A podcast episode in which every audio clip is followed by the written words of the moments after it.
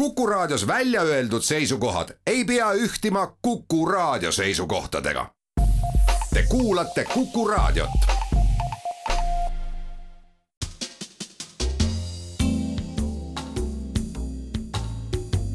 tarkade klubi.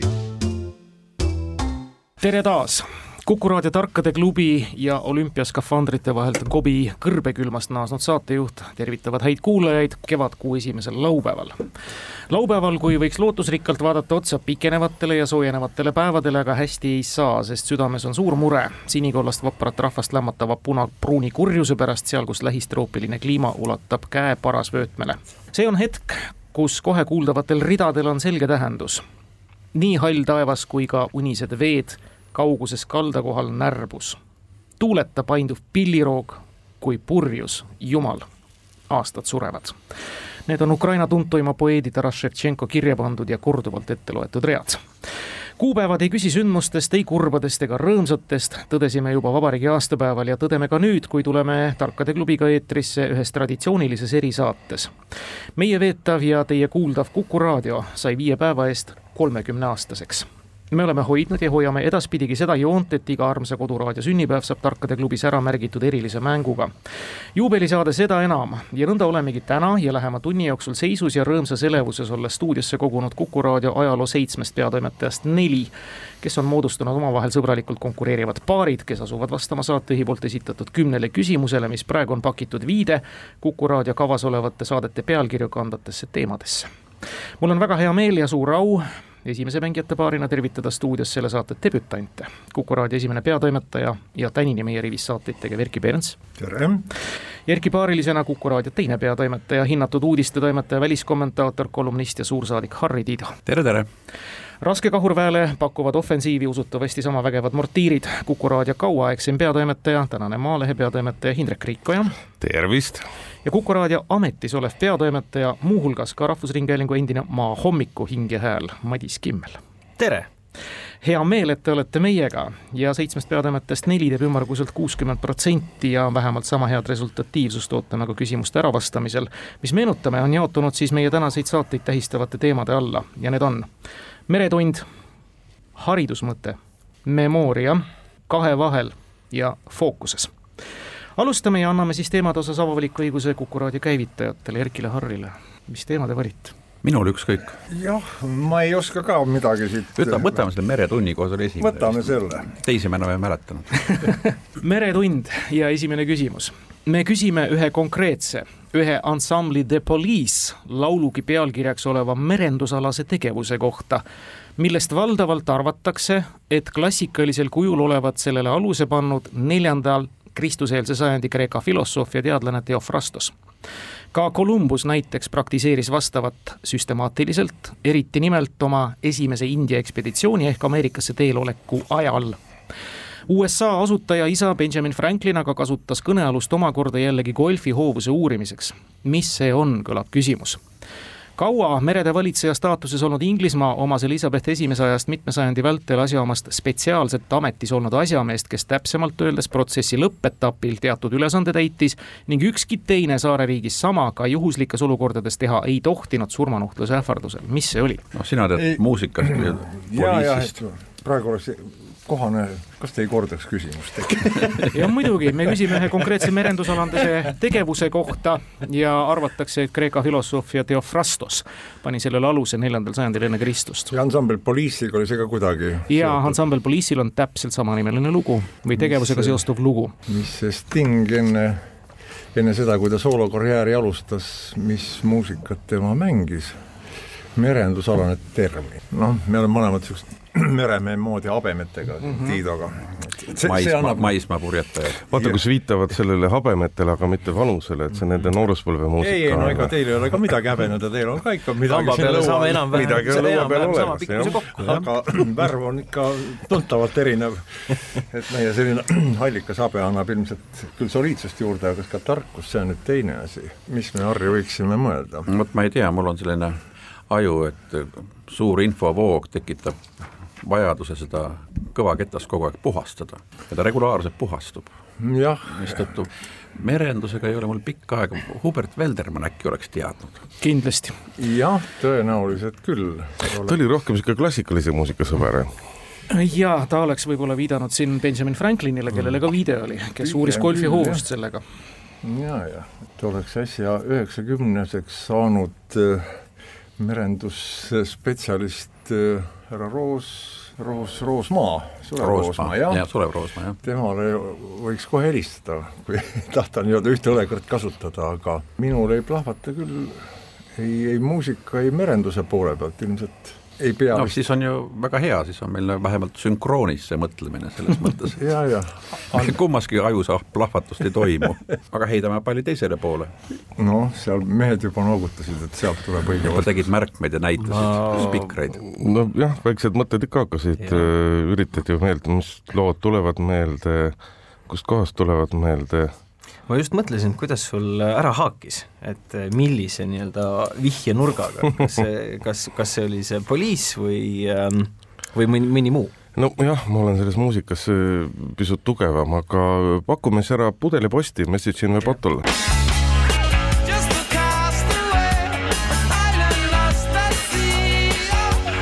kõik õige, see on pudel posti ja The Message in the Bottle oli viide siis The Police'i laulule. Theophrastos pani pudelid merre Gibraltarist läänes, üks nendest jõudis Sitsiiliasse, aga Columbus läkitas nõnda siis kuninganna Isabellale enda retkest aruandesõnumeid ja Inglismaal mainitud ametnik oli siis pudelposti avaja keegi teine ei tohtinud seda teha. nii, nooremad peatoimetajad lähevad mängu üks-null juhtima ja valivad ka teema.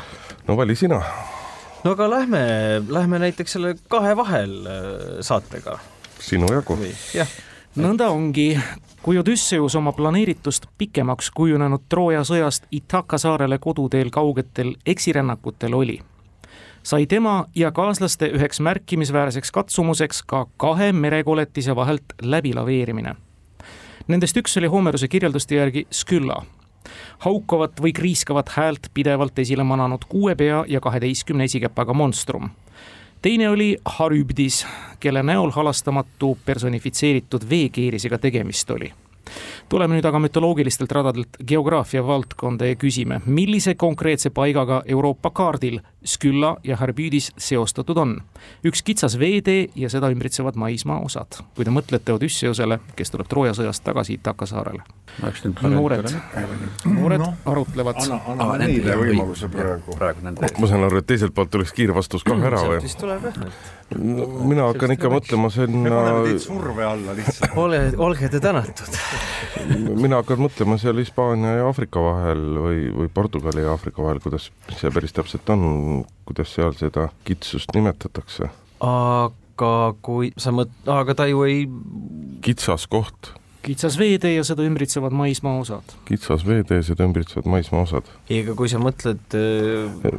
kant tegelikult ei lähe, eks ole, kui tee peale. nagu nii-öelda selle sama, sama mere teine ots äh,, kuhu me peame vaatama, sest et äh, ta ju ei ole nii-öelda Hispaania ja Maroko vahel. sealt ta ju ei liikunud läbi. no vot, minu Odüsseuse äh, eksirännakute teadmised lõpevad umbes seal, kus kunagi TV3 sari Herakles, kes kuidagi seal mingitel naljakatel kombel sai, sai, sai Odüsseusega kokku. kuule, sa oled küll tubli, kui sa mäletad seda, ma mäletan, et see seriaal oli, aga vaata, ega selle sisse, sisust küll enam midagi ei mäleta. aga paratamatult on geograafia üks minu nõrgemaid äh, kohti ja, ja, ja ma ei suuda seda välja mõelda seal ma no aga anname meie siis anname, omakorda teisele poolele. me tegelikult teame seda vastust, aga me tahame, viisakusest ikkagi vanemate härrasmeeste no vastu. no Panama kanaliga tegemist ei olnud. seda, nüüd küll. ja ilmselt ei maksa sinna Suessi poole ka vaadata, sest see on ju kunstlikult tehtud. et ega sel ajal vist äh, nii kavasid äh, kaevajaid ei olnud, kes oleksid natukene seda aga siis sealt vaatamegi natukene ülespoole. meil on nüüd kaks varianti et me peame nüüd kas loosi viskama või öelge see õige.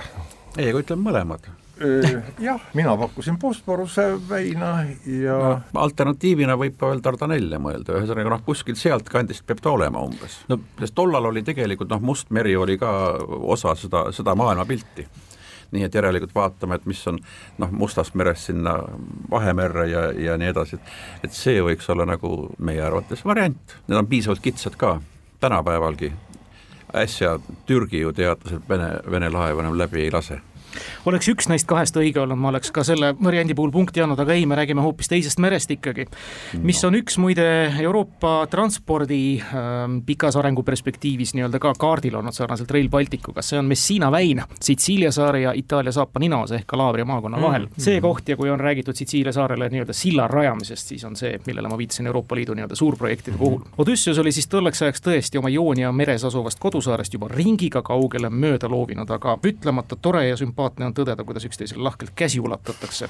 selle peale ei oleks kohe osanud tulla. ei oleks, ei oleks, ma Bosporuse peale mõtlesin, aga, aga jõudsin noh, umbes sinnasamma, et see on nagu nii-öelda piirkond on ikkagi teine, et et ei, ei saanud ta seal olla, aga, aga kuna ta on nendest väinadest viimasel ajal noh, nii-öelda ainsana jah jutuks olnud, siis käis ka läbi.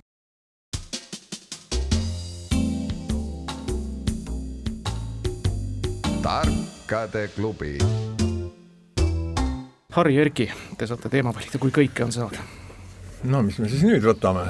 võta lihtsalt järgi. võtame Memoria näiteks, see on ju ja tõepoolest, Memoria puhul selle teema rubriigiga teeme tõepoolest ühe suure muinsustervituse ja kummarduse üksiti ka Kuku raadio ühele vanemale järjepidevalt eetris olevale saatele ja tema väsimatule juhile Jüri Kuuskemaale. me püsime tänases mõneti kurikuulsas kuupäevas, lisades juurde ka viite konkreetsele aastale ehk siis viis kolm viiskümmend kolm.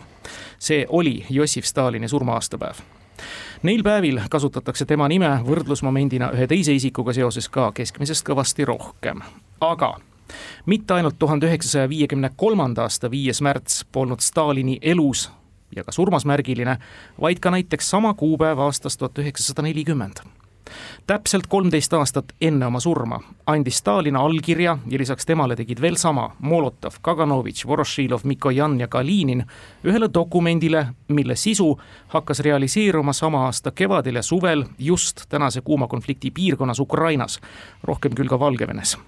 laiem üldsus sai dokumendi sisust teada aastal tuhat üheksasada nelikümmend kolm täit tõde aga alles kuulda aastal tuhat üheksasada üheksakümmend tänu Boriss Jeltsinile. Mis oli selle neljakümnenda aasta viiendal märtsil alla kirjutatud dokumendi sisu? no ma oleks küll nüüd pettunud, kui ma vastust ei kuuleks seda ei, võite rahulikult pettuda niisiis kuue mehe allkiri ühel dokumendil, mille sisu hakati realiseerima sama aasta kevad-suvel. neljakümne kolmandal aastal sai maailm natukene dokumendi sisust teada, üheksakümnendal aastal täit tõde tänu Boriss Jeltsinile. äkki see on küüditamisega seotud kuidagi või? võib olla küll tegelikult jah, no praegu on viide küll siin Ukrainale ja, ja, ja, ja Valgevenele. seda dokumendi sisu hakati realiseerima seal. jah, täpselt, aga see oli võib-olla see, mis hiljem häiastas ka teiste juures, see on siis võib-olla nende kulakliklassi, klasside nende äraviimine, väljaviimine.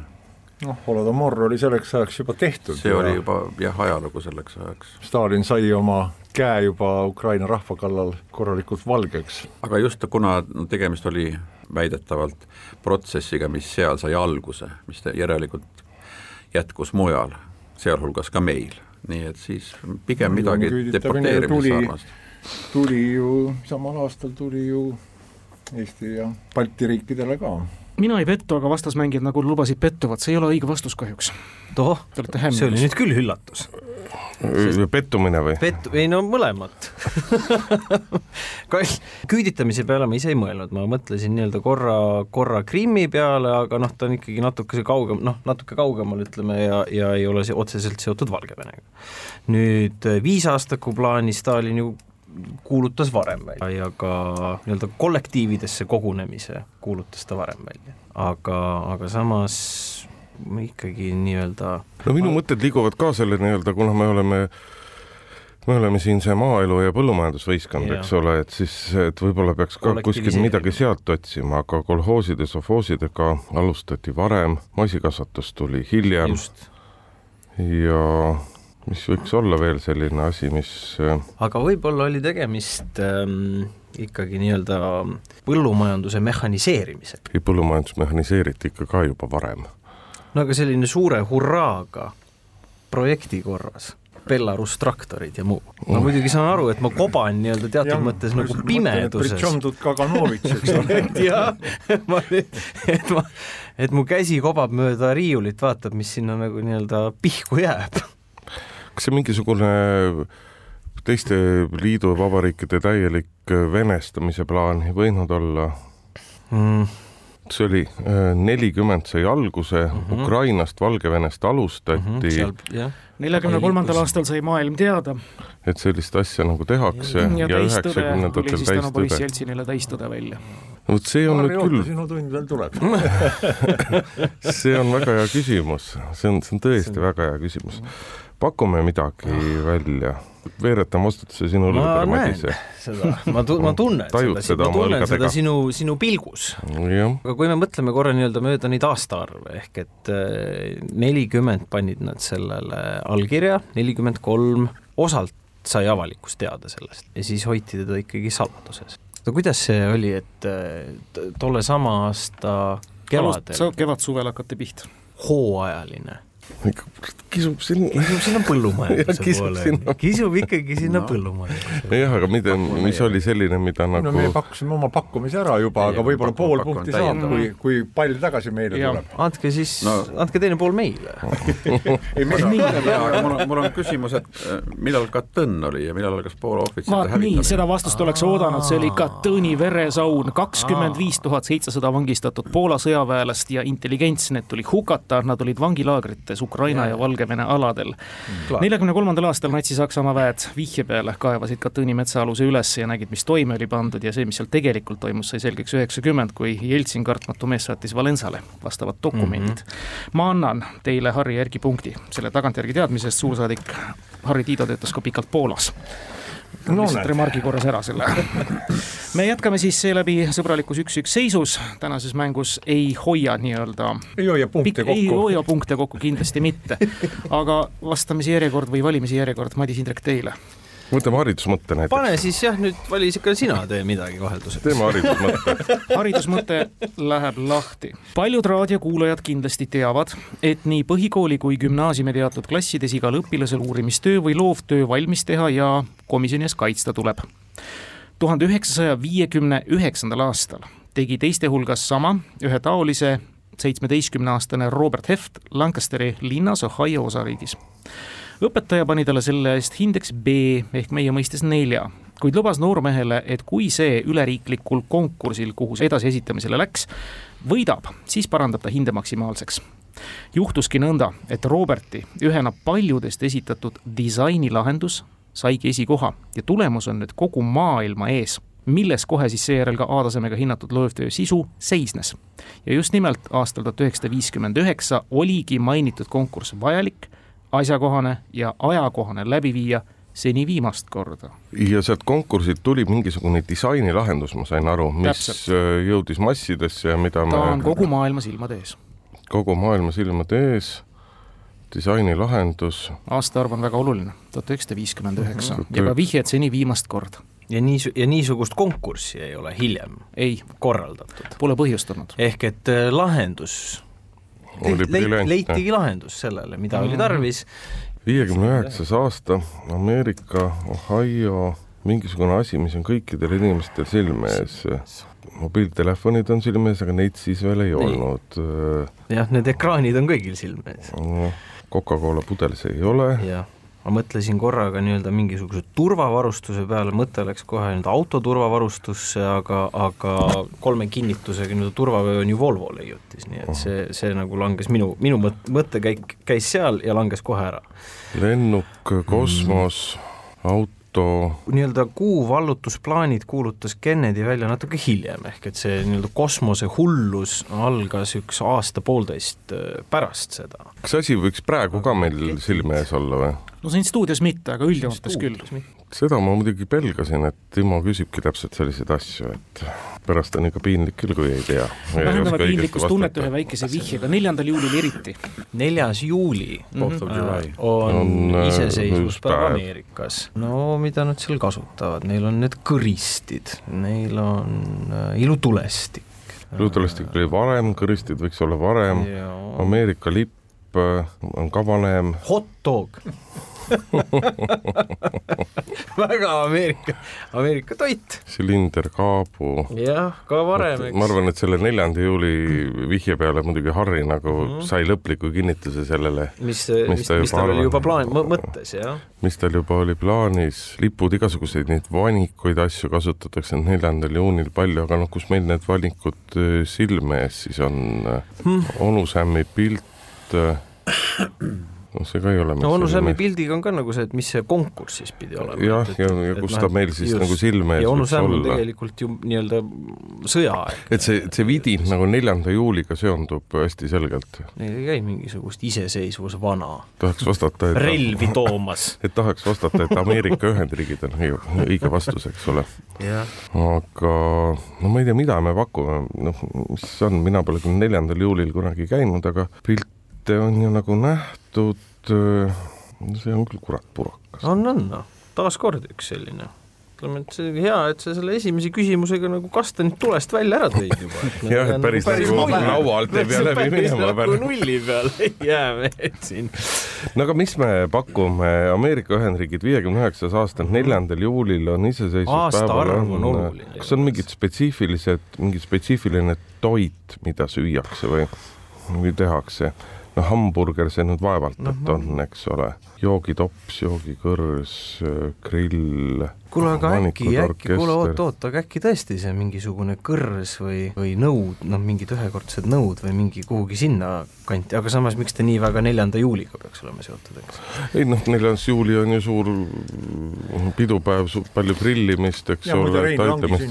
aa, võib-olla on asi hoopis sellega seotud. seda ei, see ausalt öeldes ei olnud meeles kas, kas Rein Langi sünnipäeval võiks seda asja näha olla või? Rein sai täpselt üheaastaseks, siis kui mhm. viiekümne üheksandast aastast räägitakse siis... neljandast juulist ka näiteks selles kontekstis.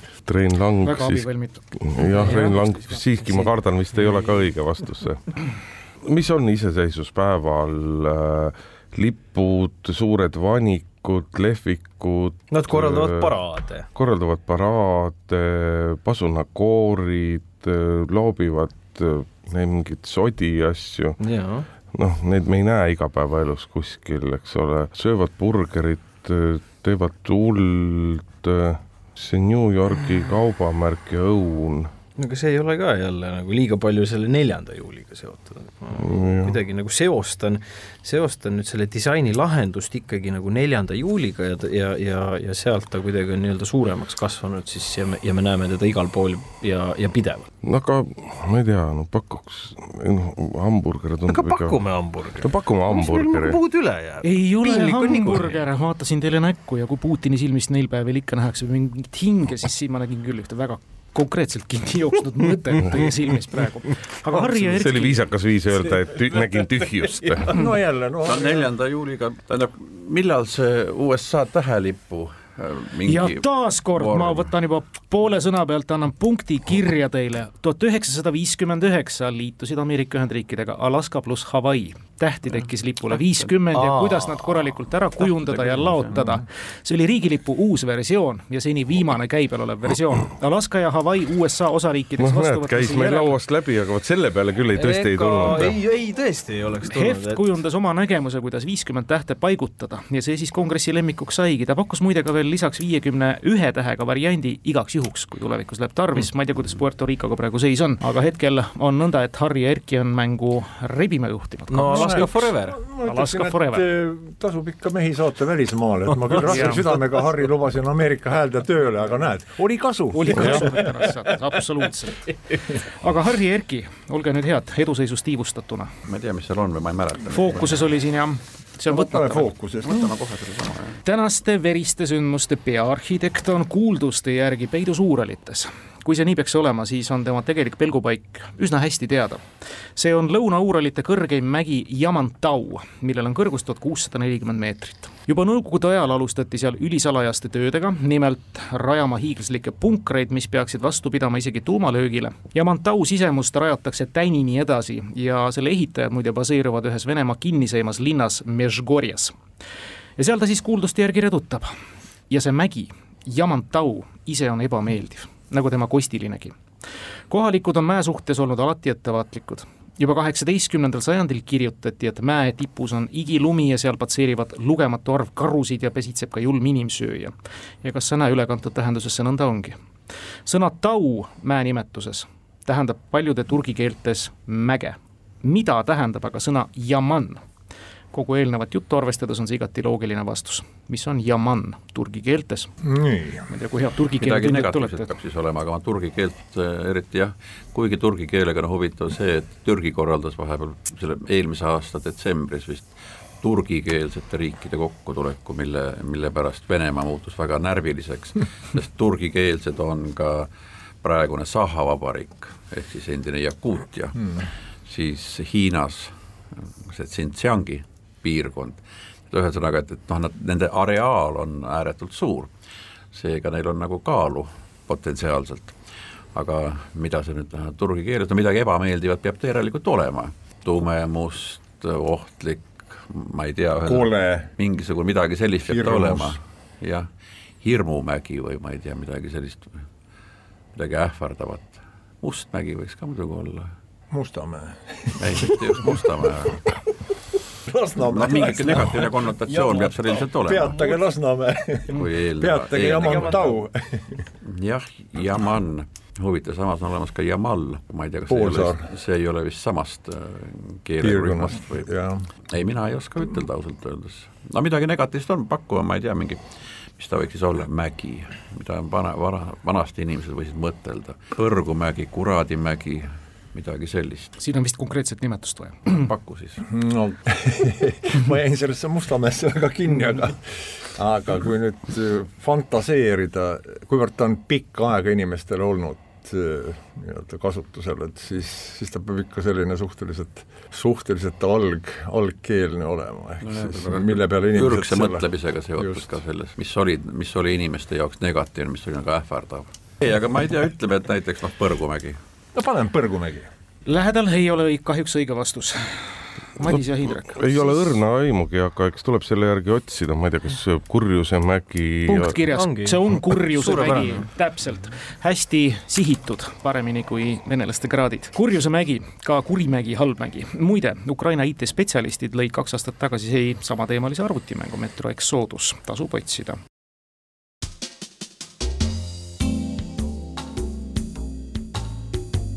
Tarkade klubi.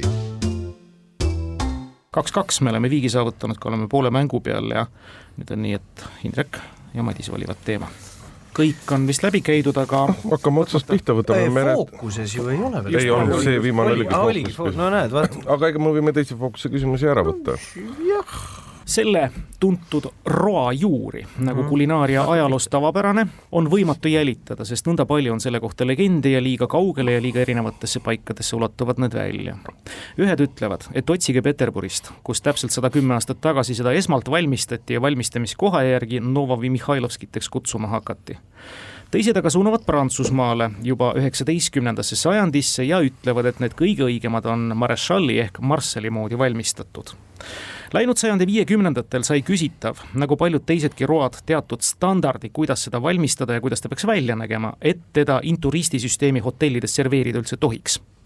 oma tänase nime sai ta tänu sellele, et ta ilmus ühe restorani menüüsse Kresšetnikul mul on äh, kaks mõtet, salat oliivia ja, ja rosolje ja seda ainult tänu sellele, et ma see on, see on, vot ma, aga ma pean selle ära rääkima, miks mul see mõte on, sest see on rosoljet ma tean, aga see salat oliivia või no? see, jah, see Olivier. kõik, oliivia, jah, oliivia, jah, kõige nii-öelda klassikalisem kartulisalat. kartulisalat lihtsalt jah. ehk et äh, miks mul see mõte on, see on väga seotud sellega, kuidas Timo mind saate alguses äh, tutvustas, ehk Maahommiku saatejuht, meil olid hästi pikad äh, sõidud ja mul ei olnud muud teha, kui ma kuulasin äh, David Vseviavi müstilist Venemaad.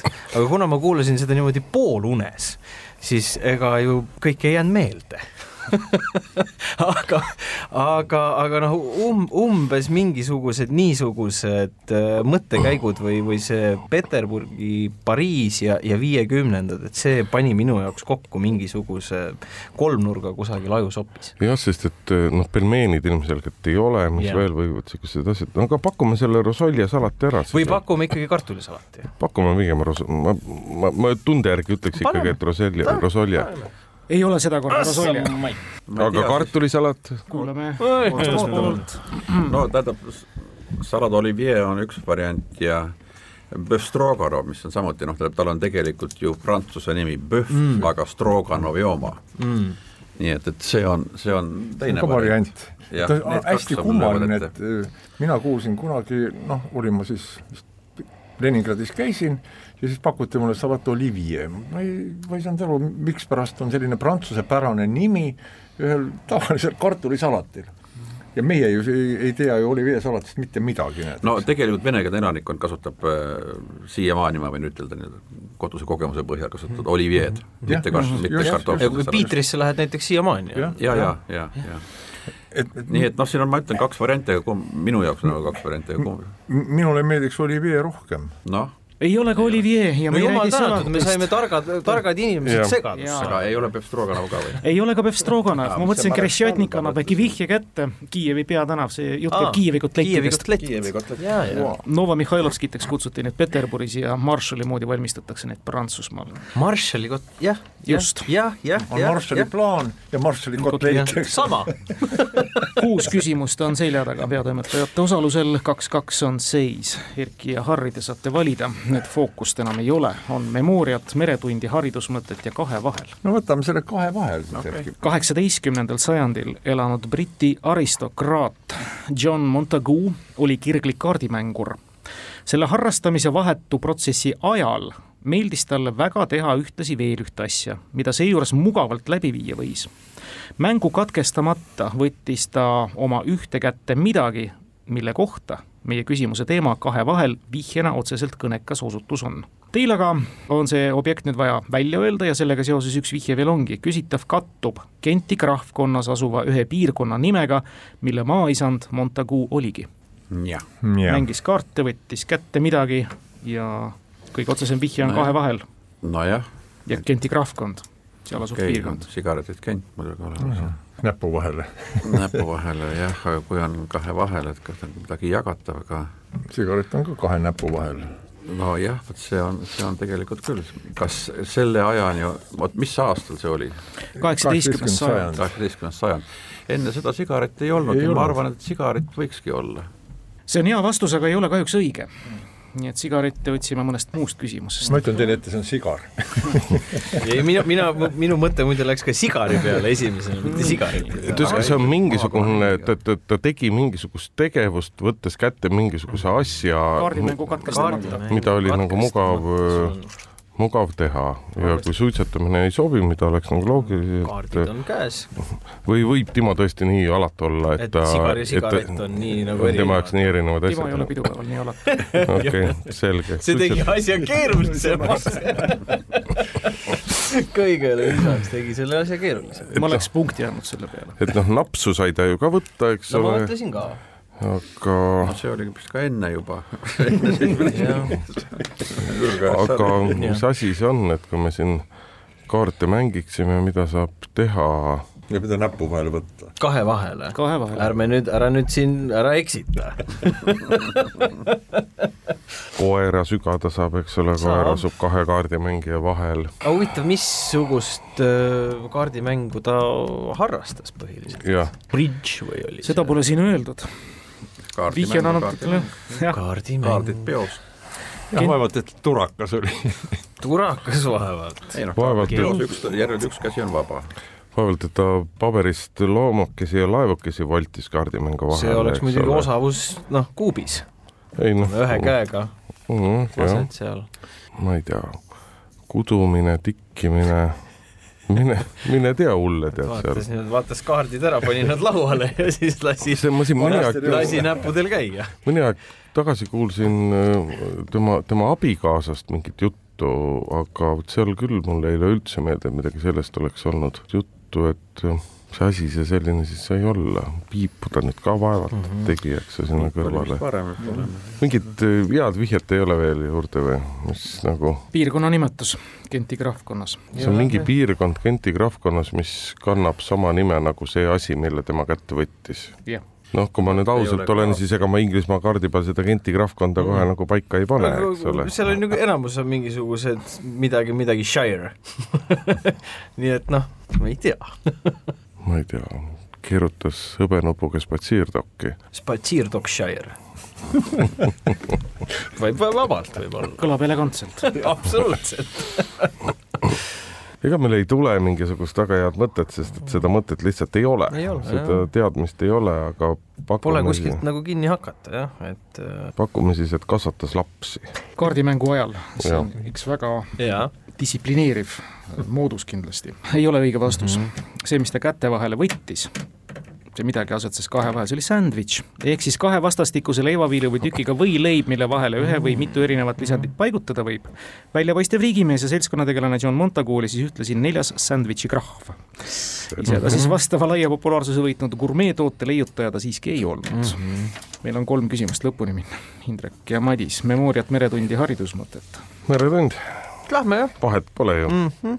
piinlik on niikuinii kümnendal jaanuaril tuhat üheksasada üheksakümmend kaks asus Hongkongist teele konteinerlaev Ever Laurel, sihtsadamaks oli Tacoma Ameerika Ühendriikides.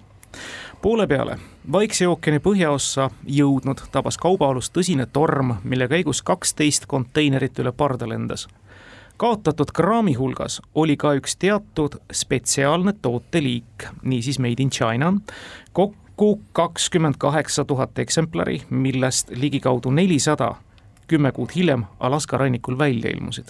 me küsime, mis tooted? meil Eestis on küsitavad tähelepanu keskmes aastast kaks tuhat neliteist igal aastal esimesel juunil ühe kindla üritusega seoses. Ah.. jah, ah, aitäh, pange ära paneme ära ja see on vannipardid, kummipardid. kõik õige ja kusjuures kollased plastmassist.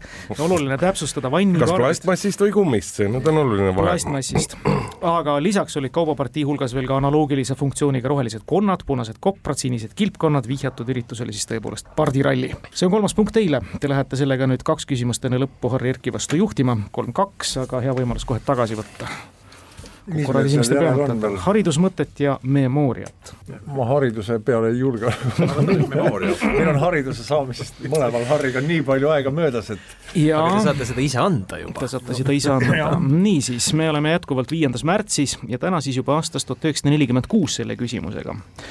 Ehk siis seitse aastat täpselt enne Stalini surma lasti Fultonis, Missouri osariigi ülikoolis peetud kõnes lendu Stalini endagagi üsna otseselt seotud mõiste mis tegelikult ei olnud uus. see oli tuntud juba Talmudist ja taevases tähenduses. ühe metafoorilise tähenduse omistas sellele kirjanik Arthur Machen aastal tuhat kaheksasada üheksakümmend viis ilmunud raamatus, kus peategelane vaatab tagasi oma elule ja tõdeb küsitavat väljendit kasutades, et see kõik ongi kaugeks jäänud meile tuttavamas tähenduses kasutas küsitavat mõistet Belgia kuninganna Elizabeth esimese ilmasõjapäevil kirjeldamaks keiserliku Saksamaa ja Belgia suhteid ja tõesti siis üleilmse metafoorina täna aastal tuhat üheksasada nelikümmend kuus ja me oleme kindlad, et ka täna aastas kaks tuhat kakskümmend kaks, mis väljendi kohta me küsime? Churchilli Fultoni kõne. kõik õige Mm. raudne eesriie, Iron Curtain, mis on siis tõepoolest Talmudist tuntud mõiste ja Churchilli Fultoni kõnes oli sisuliselt välk vastus nagu vanniportki. aga mängu lõpp läheb väga lobedalt, kolm-kolm, me oleme kuuekümne protsendi ulatuse juba kätte saanud ka, ma kohe lähen särama seda teades, palun ma kasutan juhust, küsin Harri käest, et kas raudne eesriie tuleb ka nüüd? nii ja naa, tähendab, ajaloos ei kordu miski niisama nagu varem, tähendab, ei kordu üks-ühele. see on teistsugune ja, ja ma arvan, et see, see raudne eesriie, ta ei ole niivõrd geograafiliselt limiteeritud, ta on teistmoodi konfigureeritud.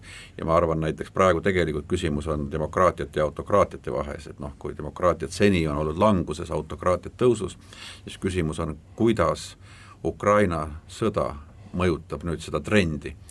kas loodetavasti annab see jõudu demokraatiatele, et uuesti tõusule minna, või siis ongi niimoodi, et autokraatiad noh, jäävad peale lihtsalt. nii et see on, see on, konfiguratsioon on teistmoodi ja, ja nüüd ta hõlmab laiemalt, kuna nüüd on ka Aasia riigid ja noh, seoses kriitiliste metallide ja maavaradega kõik me oleme niivõrd seotud no. et sellist noh, kahest jaotust enam ei ole. jumal tänatud, et me jääme sellel raudsel eesriidel vist seekord teisele poole. no elame-näeme. loodame. see oli küll lootusrikas tähendus, jah. ja sellega sobib sisse juhatada haridusmõtte teine küsimus. tuhande üheksasaja üheksakümne kaheksandal aastal otsustasid New Yorgi linna haridusametnikud õpilaste hulgas narkootikumide tarvitamise vastast võitlust edendada. mõeldi põhjalikult, kuidas seda võimalikult popilt ja noortepäraselt teha, et sõnum sihtgrupile ikka kohale jõuaks. ja välja mõeldi. koolipingi nühkijatele jagati harilikud pliiatsid. selle küljel oleva kirjaga Too cool to do drugs ehk liiga lahe selleks, et narkootikumi mitte tarbida kuid mõne aja möödudes tõdeti, et kampaania põhieesmärk haledalt on läbi kukkunud. ja milles oli asi konkreetselt? see on osalt ka loogika küsimus, kus on kindlasti teile abiks, kui te selle küsimuse enda jaoks üles joonistate. harilik pliiats, kus oli peale kirjutatud too cool to do drugs. õpilased Kimmel ja Riikoja asusid joonistama. ära kirjuta teise pealt maha no.. harilik pliiats, eks ole. Korda seda küsimust, ole hea. niisiis New Yorgi haridusametnikud. sa mõtlesid välja? ma arvan küll. palun, kuulame versiooni. vaata, siit saab, kui sul on harilik, harilik pliiats, harilik pliiats on ju ääretult lihtsalt no just meie kord on vastatud. tore ma isegi, no ma ei mäleta, et ühesõnaga, kuna, kuna harilik pliiats on ju väga lihtsasti murtav või, või ära kulutatav ja sinna külje peale on kirjutatud too cool to do drugs, siis saab ta ära murda siit, do drugs ehk et äh, kasuta narkootikume jaa, sellest joonistamise riitest oli väga palju kasu. tõesti, see nõnda oligi. Too cool to do drugs, lause algas pliiatsi alumisest otsast, läks ülespoole, kui pliiatsid sageli teritati, kulus alumine ots lihtsalt ära ja alles jäi sõnum do yeah. drugs. Te saate sellega napi võidu selles väga võrdsete mängus, neli, kolm, et oleks sama vastanud, nii et anname siis moraalse viigi õhku ja üles. moraalne viik kõlab hästi. moraalne viik on väga armas ja hea ja meie mängutraditsioon näeb ette ka kõigi kuuldute seas selle parima küsimuse valimisel. võib ka neid mitu olla. no ma ei tea, mina tahaks küll pakkuda neljas juuli ja Ameerika Ühendriikide lipp, mille peale nagu küll noh, mis, mis tundus nagu nii ilmvõimatu lahendus, aga jah, kuidagi, vot see on jah see lahendus, et on silme ees, aga isegi nagu ei noh, tõesti isegi ei mõelnud sellele, jah, jah. hirmsasti tahaks seda viiekümne ühe tähega lippu ka näha. jah, ja teine, äh, jah. mulle meeldis ka see lipp, eriti see, et, et me selle ära arvasime. vaata, väga õige, see sobiks hästi ja see oligi see viimane, meie viimane nii-öelda käeulatus teile. Margus Pillau koostatud meisterlik küsimus Ameerika Ühendriikide võib-olla vähetuntud ajaloost, aga siiski väga olulisest määrast suur tänu teile, Harri, aitäh, Erki, aitäh, Madis, aitäh, Indrek, täna stuudiosse tulemast. kuku raadiole pikki päevi aastaid loomulikult edasi. tarkade klubi kuulajatele aitäh kuulamast.